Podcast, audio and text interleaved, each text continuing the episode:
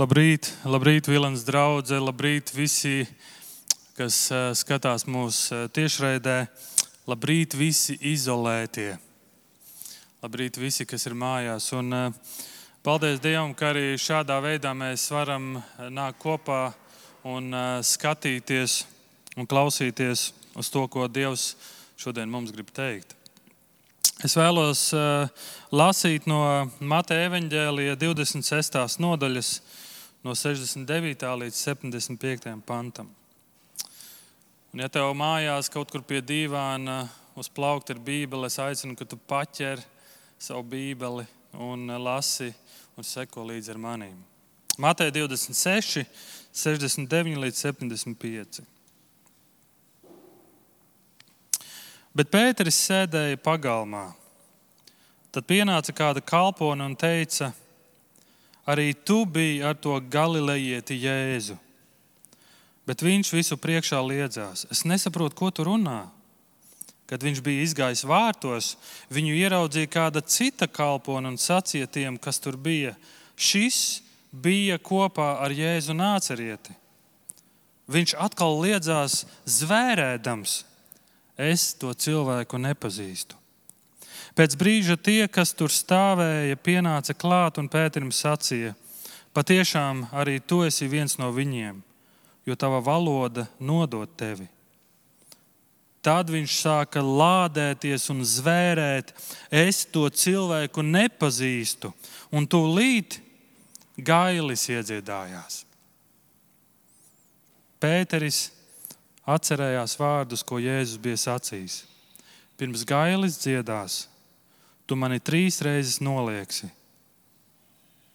Izgājis ārā, viņš rūkti raudāja. Lūksim Dievu. Labais debes Tēvs,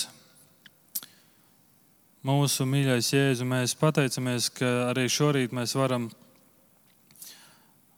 nākt kopā kā draudzene un uh, klausīties tajā, ko tu gribi teikt. Paldies, ka šajā izolācijā joprojām tu vēlies mums pieskarties. Paldies, ka šajā vīrusa krīzes laikā tu esi klāt un tu vēlies pateikt kaut ko tik svarīgu. Palīdz mums to sadzirdēt, ieraudzīt, noticēt un paklausīt. Svētī šo laiku mums kopā, Tavā vārdā. Āmen. Es atceros dažus krīzes momentus, ko es, ko es esmu piedzīvojis savā dzīvē. Es atceros to brīdi, kad es biju mazs. Es atceros to momentu, to dzīvokli, kur es dzīvoju, kur mēs dzīvojām kā ģimene. Un atceros to brīdi, kad mamma ienāca pa, pa durvīm asarās, pilnīgi satriekta. Un nespējam pateikt tās ziņas, ko viņa vēlāk pateica, tās ziņas, kas notika. Kā mūsu mīļā māsīca ir iekļuvusi avārijā un uz vietas mirusi. Es nezināju, ko teikt un kā lai palīdz. Es atceros, ka arī tajā mazajā pilsētā, kur es dzīvoju, vienam no draugiem pazuda māsa. Un viņu vairs nekad nebija iespēja atrast. Visi meklēja, policija meklēja. Tā bija traģēdija šai ģimenei un traģēdija visai mazai pilsētai. Meitas vairs nav. Es atceros reizi, kad daudzi cilvēki pazaudēja darbu, kad agrofirmas slēdzās ciet. Un viens no tiem cilvēkiem bija mana mamma. Un tad es domāju, kas notiks tālāk, kā mēs dzīvosim, kā mēs iztiksim. Un tad es atceros laiku, kad es studēju koledžā un kādā pēcpusdienā es ierodos mājās. Un es skatos, visi ir pie TV ekrāniem ar izbaiļu pilniem skatieniem. Tas bija 11. septembris, kad lidmašīnas ietriecās biznesa tirzniecības centros Amerikā. 2001. gads. Tas, tas likās kā filma, kā kaut kas nereāls. Un vai tas vispār varētu skart arī mūs, es tajā brīdī domāju. Un es atceros laiku, kad es jau biju tik liels, ka es pats sāku strādāt. Un bija tāds brīdis, kad visa pasaule piedzīvoja ekonomisko krīzi.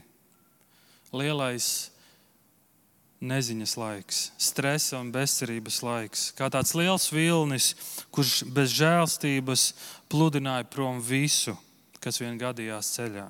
Skolas, darba vietas, ģimenes, viss. Un es atceros brīdi, kad doktors manu sieviņu sūta uz analīzēm ar aizdomām par audzēju. Tā bija melnā piekdiena mūsu laulībā. Es domāju, ka dzīve ir apstājusies. Mēs kopā raudājām, bet paldies Dievam, analīžu rezultāti nebija tas, ko mēs iedomājamies. Krīze. Ik viens no mums tādu esam piedzīvojuši, vai ne?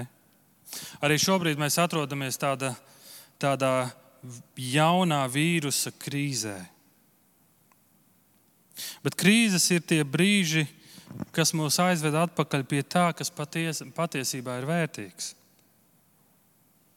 Krīze bieži vien ir tā, kas aizdzen miglu projām un palīdz ieraudzīt lietas daudz skaidrāk un reālāk. Šis koronavīrusa laiks mums liek novērtēt lietas no jauna. Venecijā ūdens ir tik tīrs, ka var redzēt, kā peld zivis. Satelīta uzņēmumi parāda kādu skaistu ainu, ka Ķīnā gaisa piesārņojums ir tik zems kā nekad šo pēdējo gadu laikā. Un pilsētā, kur sākās šī vīrusa izplatīšanās, cilvēki saka, ka pēc daudziem gadiem, pēc daudziem trokšņu pilniem gadiem, viņi atkal var dzirdēt, kā putni dzied. Protams, šis krīzes laiks ievieš arī negatīvas sekas. Tā pašā Ķīnā ir tik liels šķirto laulību skaits, ka juristi nespēja visus gadījumus apkalpot. Pornogrāfijas, ind, pornogrāfijas industrija uzplaukst. Mēs redzam, ka krīze ir tests visām nozarēm un jomām. Veselības sistēmai, ekonomikai, attiecībām, cilvēcībai un ticībai. Un šodien kopā ar jums gribu domāt par ticības krīzi, kāda cilvēka dzīvē. Par šo personu ir aprakstīts visos četros evaņģēlijos. Visi četri evaņģēlīja autori par, to, par šo personu runā un tieši par šo gadījumu, ko mēs no rīta lasījām. Šī ir īpaša persona, ļoti spilgta personība. Sarunu valodā varētu teikt, uz mutes nav kritis un atbildi parādā nepaliks. Un pēc rakstītā var secināt, ka šī persona ir strauja rakstura cilvēks. Ātrs uz darbību, vārdā Pēteris. Viens no Jēzus mācekļiem. Un šodien domāsim par Pēteri. Un ļaujiet man iedot tādu ieskatu mazliet par Pēteri. Ko tad mēs varam ieraudzīt, ko evaņģēlīja saka par Pēteri? Pēteris tiek, Mateja 4 ir rakstīts, ka Pēteris tiek aicināts atstāt visu un sekot Jēzum. Mateja 8 mēs lasām, Jēzus dziedina Pētera sievas māti. Mateja 10. Pēteris ir pirmais māceklis, pirmais māceklis, kas minēts 12 mācekļu sarakstā. Marka evanģēlijas 5. nodaļa Pēteris kopā ar Jēkabu un Jāni piedzīvo Jāira meitiņas atdzīvināšanu. Tur ir kāda meitiņa, kas ir mirusi. Un Jēzus viņu atdzīvina. Mātejā 14. Pēteris staigā pa ūdens virsmu. Tāpēc, ka Jēzus viņam saka, nāc. Jāņa 6. nodaļa Pēteris, kad daudzi no Jēzus novēršas, Pēteris apliecina, ka viņi paliks ar Jēzu. Mateja 16. Pēteris atzīst Jēzu par mesiju. Un tad ir notikums, kur Pēters ir kopā ar Jēzu kalnā, kur Jēzus tiek apskaidrots.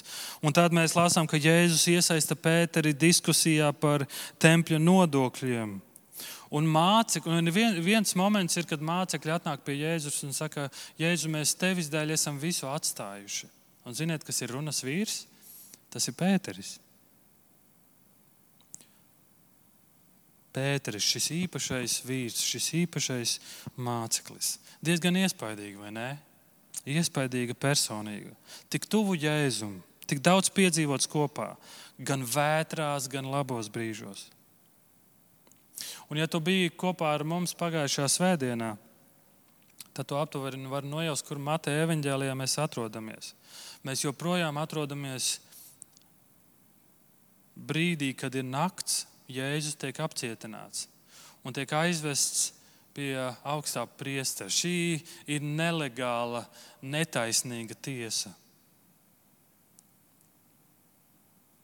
Un tāpēc es šodienas eh, svētkrunai gribu iedot tādus trīs punktus, lai vieglāk mums atcerēties. Trīs R. Man ļoti patīk R burts. Pētera rīcība, Pētera reakcija un Pētera rezultāts rīcība, reakcija un rezultāts. Tātad rīcība. Un pagājušajā svētdienā mēs ar Mārku mēs piedzīvojām šo netaisnīgo tiesas prāvu, kad mēs skatījāmies, kā Jēzus tiek apcietināts un aizvests augstā priestera priekšā. Un kā tiek apsūdzēts, un tie, viņi cenšas atrast daudz nepatiesas liecības. Un tad tu redzi, ka Jēzus šeit ir viens pats šīs netaisnīgās tiesas priekšā. Un tu varētu jautāt, kāpēc Jēzus ir viens? Kur ir viņa liecinieki? Paga, kur ir Jēzus mācekļi? Kur viņi ir? Un Mateja 26. nodaļā, tajā nodaļā, kur mēs šobrīd atrodamies, 56. pantā, B daļā ir rakstīts, tad visi mācekļi viņu atstāja un aizbēga. Un paklausieties, ko Marks, Marka evanģēlijā autors apraksta. Marka 14.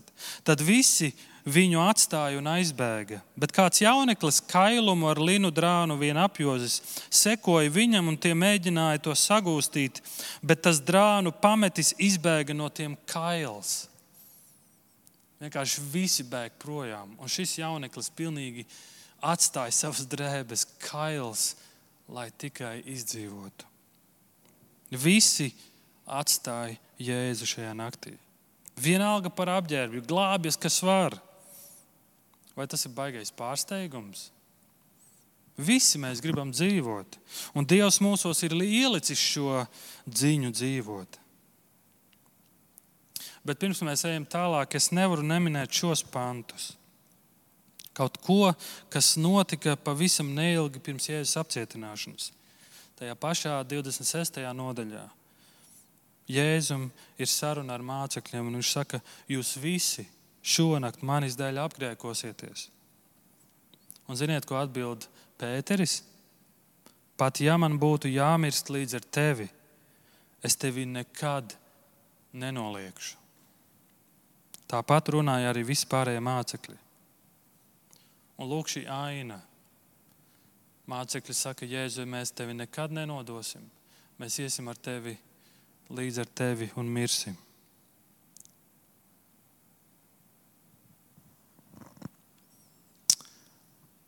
Un varētu likties, kad mēs izlasām šodienas notikumu, likties, nav cerības. Bet pagājušā reizē, pagājušā reizē, kad lasījām šo Jēzus netaisno prā, tiesas prāvu, iespējams, mēs ieraudzījām kādu gaismas stariņu. 58. pantā ir rakstīts, bet Pēteris viņam sekoja. Jēj, ir gaismas stariņš. Pēteris viņam sekoja un turpinājums no tālienes īsa mācība. Ja tu vēlies sekot Jēzum, tad to nevar darīt no attāluma. Ja tu vēlies sekot Jēzum, to nevar darīt no attāluma. Un tomēr Pēteris sekoja.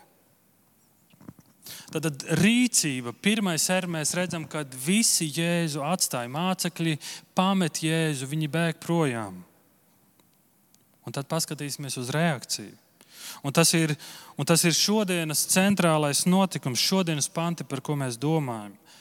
Tā ir krīze Pētera dzīvē. Pēteris iekļūst šajā pagalmā. Un viņam pienāca kāda kalpone un jautā jautājumu. Arī tu biji ar Jēzu to galilejieti. Un ko dara Pēteris? Viņš liedzās un viņš saka, es nesaprotu, par ko tu runā. Un pēc tam Pēters iziet vārtos, un kāda cita kalpone ierauga Pēteri. Un arī jautā šo jautājumu. Šis bija kopā ar Jēzu nācerieti. Un Pēters sāk liekties zvērēdams. Es nezinu, ko, ko viņš teica, kad zvērēja. Viņš varēja teikt, es zvēru pie savas mātes kapa. Es to cilvēku nepazīstu. Un tad mēs lasām, ka Pēters bija pagalmā un sildījās kopā ar citiem, kas tur bija tajā pagalmā. Tie varēja būt kareivi, kādi, kuri vienkārši izpildīja pavēles. Un viņi sildījās pie ugunskura. Un arī viņi jautāja, pat tiešām arī tu esi viens no viņiem, jo tava valoda nodod tevi. Arī tu biji ar viņiem, jo tava valoda tevi nodot. Un nevis tāpēc, ka viņam bija skaista, izkopta valoda, ka varēja teikt, šis ir svētais Jēzus sekotājs. Nē, tāpēc, ka viņam bija galilejiešu akcents. Šodien varētu teikt, arī tu biji ar Jēzu kopā, jo tev ir latgaliešu akcents. Ja pieņemam, ka Jēzus gāja, sāka savu kalpošanu Latvijā. Tava valoda tevi nodod, tev ir akcents. Un Pēteris sāka lādēties un zvērēt. Viņš sāka lamāties. Un viņš teica, es to cilvēku nepazīstu. Uz kaut ko tādu Pēteris nebija gatavs. Tas bija pārsteigums. Tas nebija plānots. Pēteris, līdzīgi kā Jēzus, ir tiesas priekšā, bet šī ir citādāka veida tiesa. Šeit ir divas kalpones un sargi, kuri vienkārši jautā jautājumu. Nu, varbūt ne vienkārši, bet kuri apgalvo, arī tu biji kopā ar viņu. Un zinot visu to, ko mēs apskatījāmies, ko Pēters ir piedzīvojis, iespējams, tāpat kā es, tu esi pārsteigts un domā, kā tas ir iespējams. Kā tas iespējams, ka Pēters tēlo, ka nesaprot? Viņš zvērēdams liedzas un lamādamies noliec. Interesanti, ka citos evanģēlījā aprakstos mēs redzam, Pēteris atrodas dažādās lokācijas vietās šajā naktī. Viņš sēdēja pagalmā, viņš izgāja vārtos, tad viņš ir lejā pagalmā, tad viņš ir priekšpagalmā. Un Lūkas evanģēlijā vēl rakstīts, ka Pagāja stunda, un tad kā cits jautāja jautājumu. Tad no viena jautājuma līdz otram jautājumam tur paiet viena stunda, kad Pēters varēja pārdomāt, ko es izdarīju. Bet viņš turpina noliegt. Un jūs ievērojāt, jūs dzirdējāt, ko Reinis lasīja dievkalpojuma sākumā no Mateja desmitās nodaļas. Jēzus vārdus, un Jēzus saka, tad nu ik viens, kas mani apliecinās cilvēku priekšā, arī es apliecināšu savā debesu tēva priekšā. Bet kas mani nolieks cilvēku priekšā, to arī es noliekšu savā debesu tēva priekšā. Un to Jēzus nesaka tikai vienreiz. Ko tas nozīmē? Pētera dzīvē ir krīze, pamatīga krīze, bezcerība. Pēterim ir vajadzīgs glābējs. Un tad ir trešais R, kas ir rezultāts. Un 74. pantā mēs lasām, pēc visiem šiem jautājumiem un Pētera nolieguma, un tūlīt gailis iedziedājās. Gailis iedziedājās. Kad gailis dzied, tā ir norāde, ka diena, diena aust, diena tuvojas. sākas rīts. Un tiem no jums, kas dzīvojat laukos, varbūt jums pašiem ir gailis vai kaimiņam ir gailis. Iespējams, jums liekas, nekas īpašs. Gailis dzied katru rītu. Bet Pētera dzīvē šis gaļa sauciens, dziedājums izmainīja visu. Tas pamodināja Pēteri, un viņš atcerējās.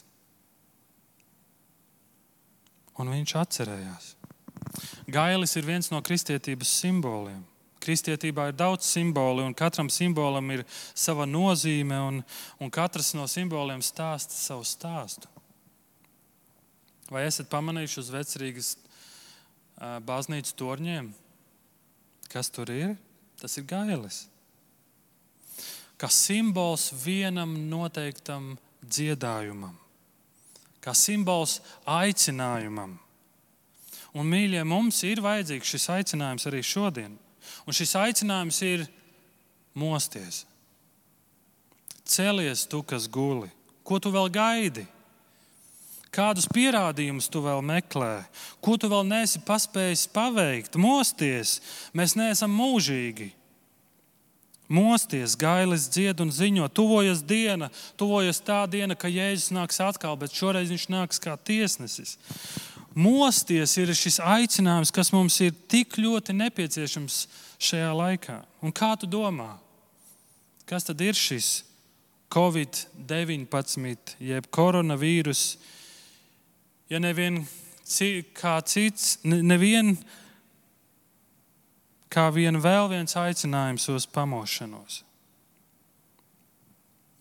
Šīs koronavīrusa krīzes laiks ir vēl viens aicinājums, vēl viens dziedājums, kliedziens uz aicinājumu mosties.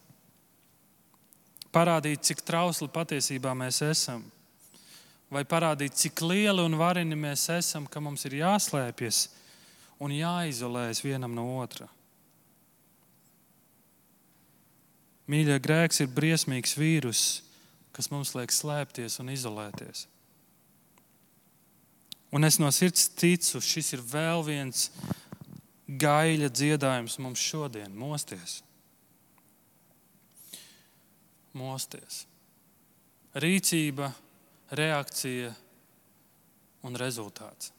Šīs trīs lietas, un, un tad es domāju par, par Jēzu, un es domāju par to, ka viņš paralēli, kamēr Pēters ir pagalmā un cīnās ar šiem jautājumiem, Jēzus ir augstā priestera priekšā šajā netaisnīgajā tiesā.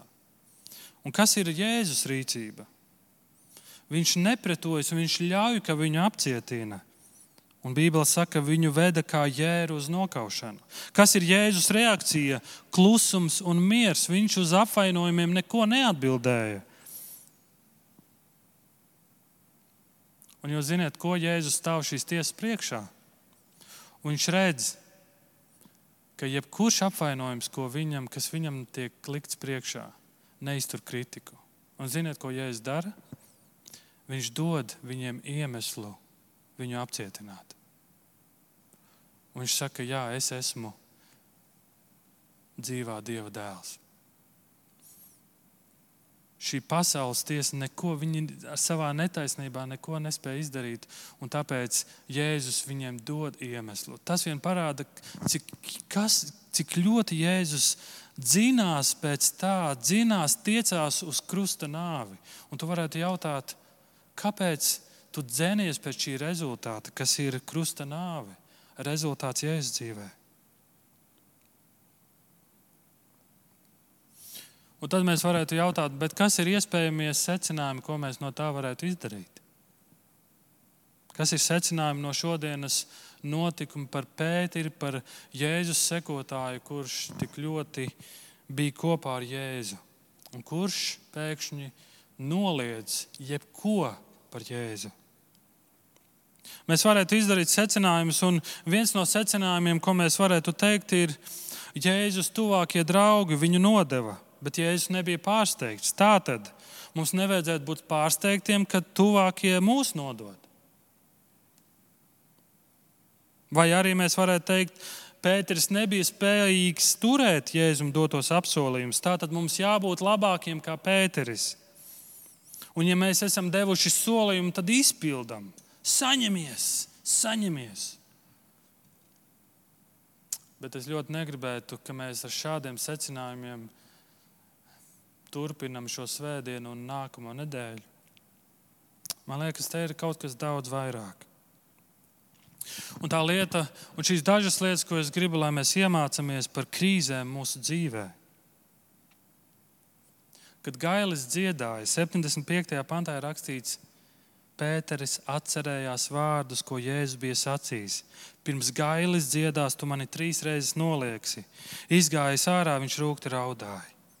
Pēteris atcerējās, ko Jēzus bija teicis, ko Jēzus bija paredzējis, ko Jēzus zināja. Pēteris kaut ko atcerējās.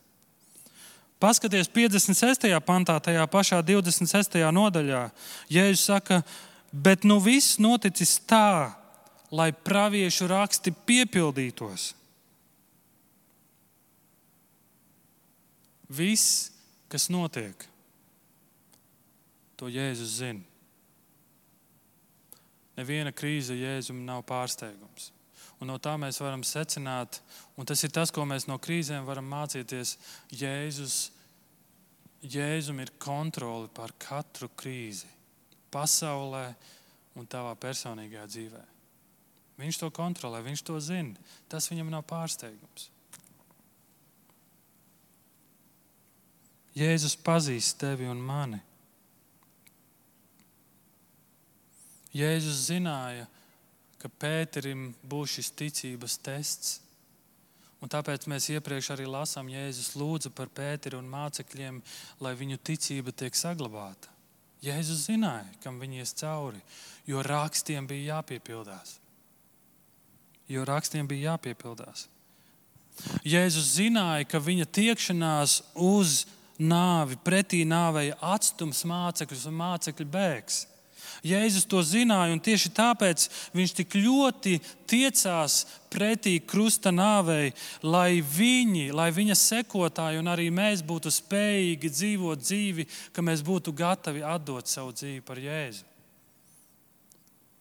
Tāpēc Jēzus tik ļoti tiecās pretī krusta nāvei, lai mēs, es un tu, būtu spējīgi dzīvot dzīvi, ka mēs sakam, es Jēzus dēļ esmu atdot gatavs atdot savu dzīvību. Kur šajā stāstā esam mēs? Kur šajā stāstā esmu es un tu? Kur šajā tumšajā krīzes notikumā tu ieraugi sevi? Ļauj man tev parādīt vēl vienu piemēru. Otrajā mūža grāmatā, 24. nodaļā, ir rakstīts par diviem vīriem, par Mūzu un Āronu. Mūzu mēs esam dzirdējuši, liels pazīstams vīrs, un Ārons bija augstais priesteris. Un tad ir vēl citi vīri, kuri, un tur ir rakstīts, un viņi kāpa kalnā, un viņi ieraudzīja Izrēla dievu. Šie cilvēki, ja vecajā darbā rakstīts, viņi ieraudzīja Izrēla dievu. Un 32. nodaļā, dažas nodaļas vēlāk, mēs lasām, Dieva tauta sūdzās šim augstajam priesterim Āronam, un ko Ārons dara? Viņš tautai izveidoja zelta teļu, ko tauta pielūdz. Un, un mēs varētu sev jautāt, kā cilvēks, kurš ir redzējis Dievu un bijis pie viņa kājām, pēc tam pagriežas un pielūdz citu Dievu. Un no šodienas notikuma par Pētera krīzi mēs varētu jautāt, kā tas ir iespējams. Cilvēks, kurš ir bijis tik ilgi kopā ar Jēzu, piedzīvojis vētras un staigājis pa ūdens virsmu un redzējis, kā augšām ceļ cilvēkus, kas ir miruši, spēj pagriezties un pateikt, es nepazīstu un man nav nekāda daļa ar šo cilvēku. Kā tas ir iespējams? Un tad es atcerējos, es esmu darījis tāpat. Un tad es atcerējos, es esmu darījis tāpat. Tās reizes, kad es esmu sēdējis kādā no Rīgas pagalmiem un sildījies pie kafijas krūzes kopā ar daudziem citiem, kuri ir smējušies par kristietību. Es esmu sildījies kopā ar viņiem un klusējis, tā it kā es neko nezinātu par Jēzu tie momenti, kad es esmu uzvedies savā dzīvē tā, it kā es nepazītu, kas ir Jēzus. Tie momenti, kad es esmu dzīvojis tā, it kā es nezinātu, kas viņš ir, ka es viņu nemazām nepazītu, ka manā dzīvē viņš neko nenozīmē. Tās reizes, kad ir bijusi iespēja liecināt, es esmu noklusējis, jo esmu baidies par savu statusu, kā es izskatīšos citu priekšā. Tās reizes, kad es esmu noklusējis savai, kad mēs esam noklusējuši savām draudzenēm, vai draugiem, vai saviem radiniekiem, kad ir bijusi iespēja par to runāt. Es atceros, es esmu darījis tāpat. Kāds, mācīt, kāds vīrs mācītājiem lepojās, sacīdams, iedomājies, mācītājs, esmu desmit gadus jau strādājis vienā darba vietā, un neviens nav uzzinājis, ka es esmu kristietis. Neviens nav uzzinājis, ka es esmu Jēzus sekotājs. Romiešiem desmit rakstīts, jo ik viens, kas piesauc kunga vārdu, tiks izglābts. Bet kā lai piesauc to, kuram nav sākuši ticēt, un kā lai tic tam, par kuru nav dzirdējuši, un kā lai dzird, ja neviens nesludina, un kā lai sludina, ja nav sūtīti, kā ir rakstīts, cik brīnišķīgs ir to kājas, kas sludina labo vēsti. Kā lai atcerās, ja nav kas pasludina, ja nav kas dzied? Un pašā beigās mēs lasām, izgājis ārā, Pēteris rūkti raudāja. Šis ir Pētera ticības krīzes laiks, bet arī atgriešanās laiks. Un, ja tu savā dzīvē neesi nonācis līdz šim 75. pantam, kur rakstīts, Pēteris izgāja ārā un gauži raudāja, ja tu neesi nonācis līdz šim momentam savā dzīvē, tu neesi sapratis kristietību. Tu neesi satvēris kristietības vēsti,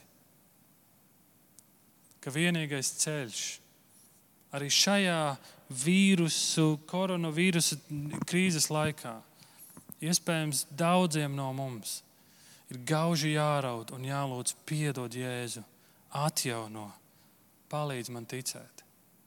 Palīdz man dzīvot dzīvi, kas nav nolieguma pilna, bet dzīvot dzīvi, kas rāda, es piedaru Jēzum, es esmu Jēzus sekotājs. Un, mīļie, Jēzus zināja, Jēzus zināja, ka mācekļi ies cauri. Un, zinot to, viņš mīlēja savus mācekļus. Jēzus zina, kam tu ej cauri saviem grūtajiem brīžiem. Un es gribu, lai tu ieraugi un spēj noticēt, ka Viņš tevi mīl neskatoties ne uz ko. Un vienīgais veids, ko mēs varam darīt, ir raudāt un skriet pie viņa un meklēt viņu. Un teikt, Jēzu, piedod. Jēzu, palīdz man būt kopā ar tevi.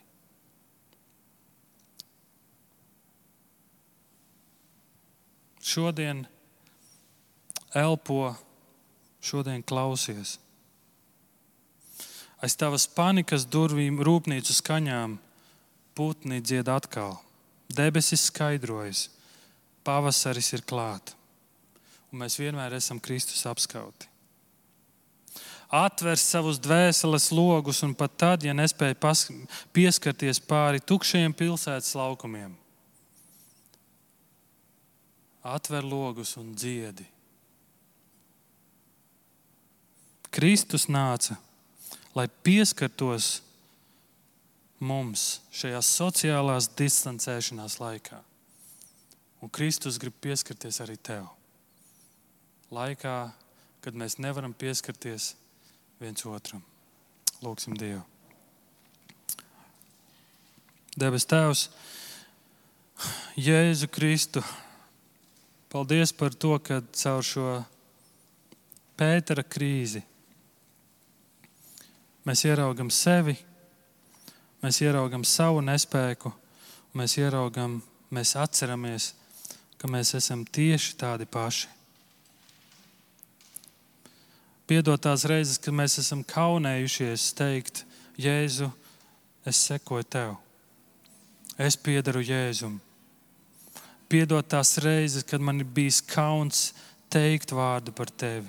Piedod tās reizes, kad man ir bijis kauns darīt to, ko dara tavi sekotāji. Piedod, Jēzus, tās reizes.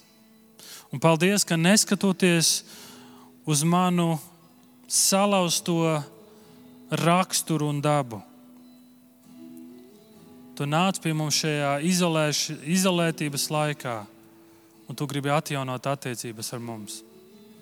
Un tu nāc un tu mums saki, viss ir piepildīts, viss ir izdarīts, tev ir piedots. Palīdz mums tam noticēt un uz to paļauties. Tavā vārdā to lūdzam. Āmen.